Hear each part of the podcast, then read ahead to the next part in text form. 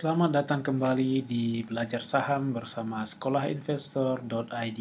Masih dengan saya Zulpa Edi. Kali ini di episode keempat tentang The Art of Execution masih melanjutkan tentang topik Deribit. Jika pada episode 3 sebelumnya kita telah membahas enam hal yang berbeda yang bisa dilakukan oleh Deribit agar keluar dari jebakan-jebakan perilaku yang dapat merugikan investasi mereka. Pada episode kali ini kita akan teruskan hal-hal berbeda yang lainnya yang dapat dilakukan agar para rebit dapat keluar dari jebakan perilaku yang merugikan.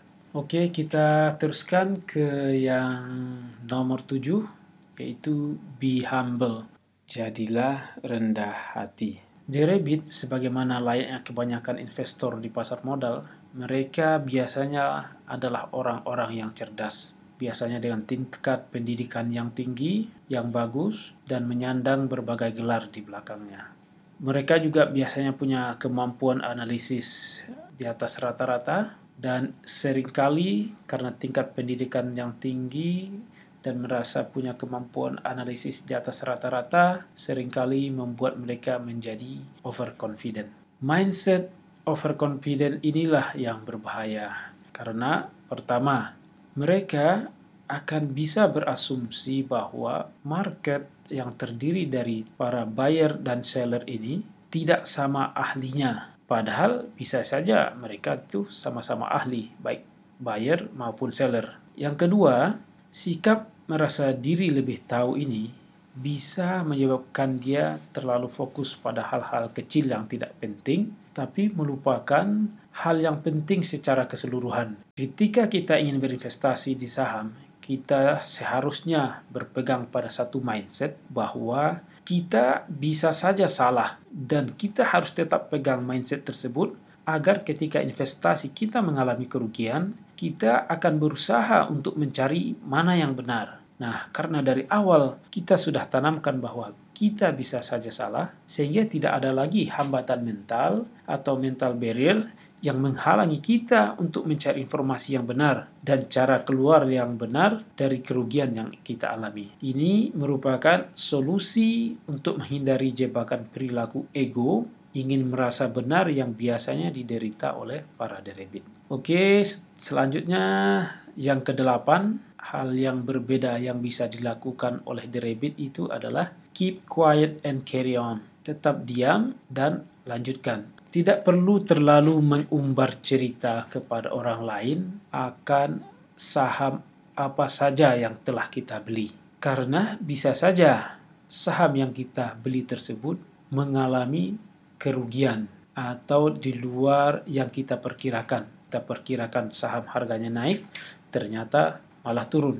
Nah, saham yang berbalik harga menuju kerugian ini akan menimbulkan beban mental tambahan bagi kita. Karena tadi kita sudah ceritakan pada banyak orang. Beban mental seperti inilah yang berpengaruh terhadap objektif kita menilai suatu masalah rasa tidak ingin terlihat salah akan mendorong kita ke arah yang salah ketika kita ingin mencari jalan keluar dari kerugian investasi yang kita alami. Nah, jadi tetap diam adalah keputusan yang tepat agar tidak ada beban mental tambahan yang akan kita derita nantinya.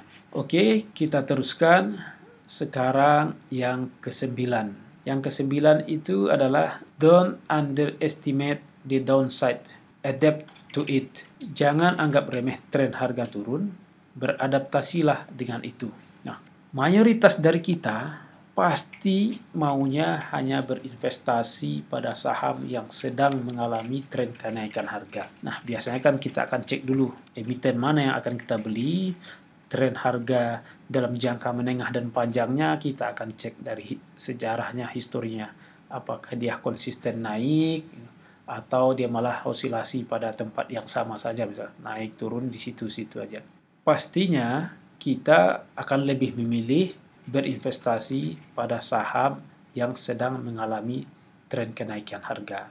Tapi jangan dilupakan juga ada saham-saham yang memiliki potensi untuk naik yang signifikan meskipun dalam kondisi tren turun.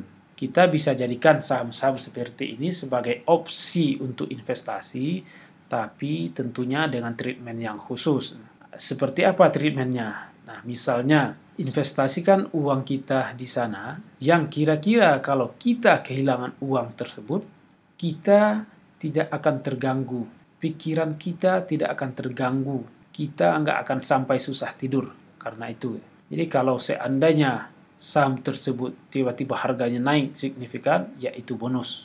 Jika turun, kehilangan uang dengan jumlah yang kita investasikan pada saham tersebut tidak akan menjadi masalah buat kita.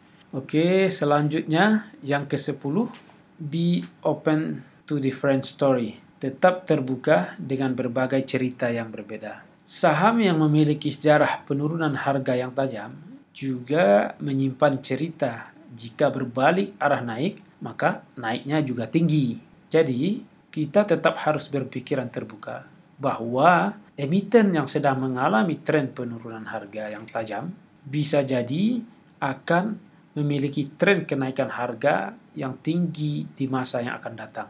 Jadi emiten-emiten seperti ini perlu juga kita masukkan dalam watchlist kita sambil kita amati kapan dia mencapai bottomnya dan kapan ada tanda-tanda dia reversal akan naik. Jadi kita tetap harus berpikiran terbuka untuk saham-saham yang awalnya menurut kita kurang menarik, tetapi setelah diteliti lebih jauh bisa jadi itu menarik untuk menaruh uang kita di sana.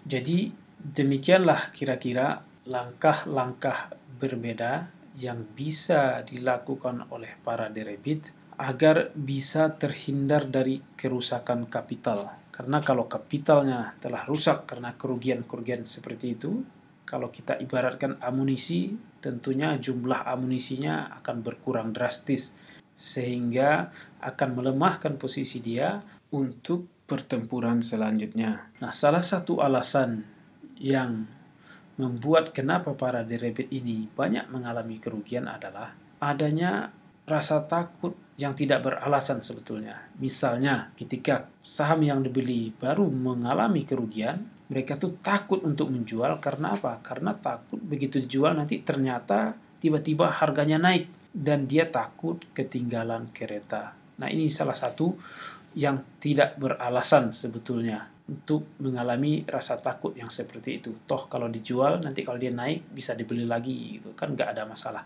Nah yang demikian itu paling banyak dialami oleh para derebit. Sebagai penutup saya akan quote salah satu quote-nya dari Charles Darwin bahwa bukanlah spesies yang terkuat yang akan survive atau bertahan, bukan pula spesies yang paling pintar tapi yang akan bisa survive dan bertahan adalah yang paling responsif terhadap perubahan. Ketika saham yang kita beli mengalami kerugian, kita harus responsif sesegera mungkin terhadap kerugian itu. Kita harus beradaptasi dengan keadaan bahwa tren saham yang kita beli sedang menuju harga turun. Jadi siapkan strategi, siapkan langkah-langkah untuk keluar dengan baik dari kondisi seperti itu sehingga kita tidak berdarah-darah, kita tidak merugi lebih jauh. Oke, demikian eh, dari saya untuk sesi Rabbit ini. Pada episode selanjutnya kita akan lanjutkan membahas tentang kelompok trader dalam kategori The Assassins. Jadi tetap di belajar saham bersama sekolahinvestor.id.